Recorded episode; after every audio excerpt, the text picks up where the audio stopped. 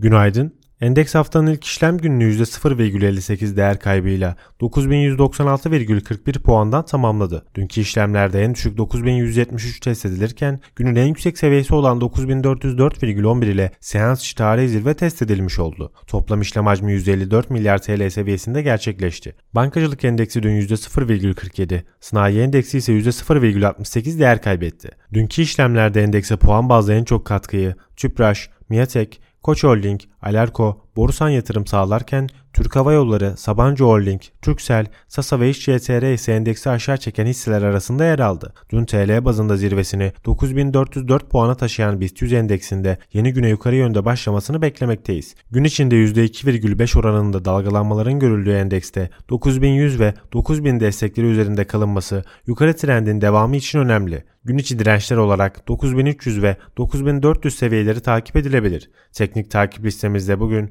Aselsan, Aygaz, Garanti, Kontrolmatik, Logo ve TAV havalimanları yer alıyor. Bugün küresel piyasalarda Euro bölgesinde cari hesap takip edilecek. Yurt içinde ise bugün merkezi hükümet borç stoğu ve uluslararası yatırım pozisyonu takip edilecek. Herkese bol kazançlı bir gün dileriz.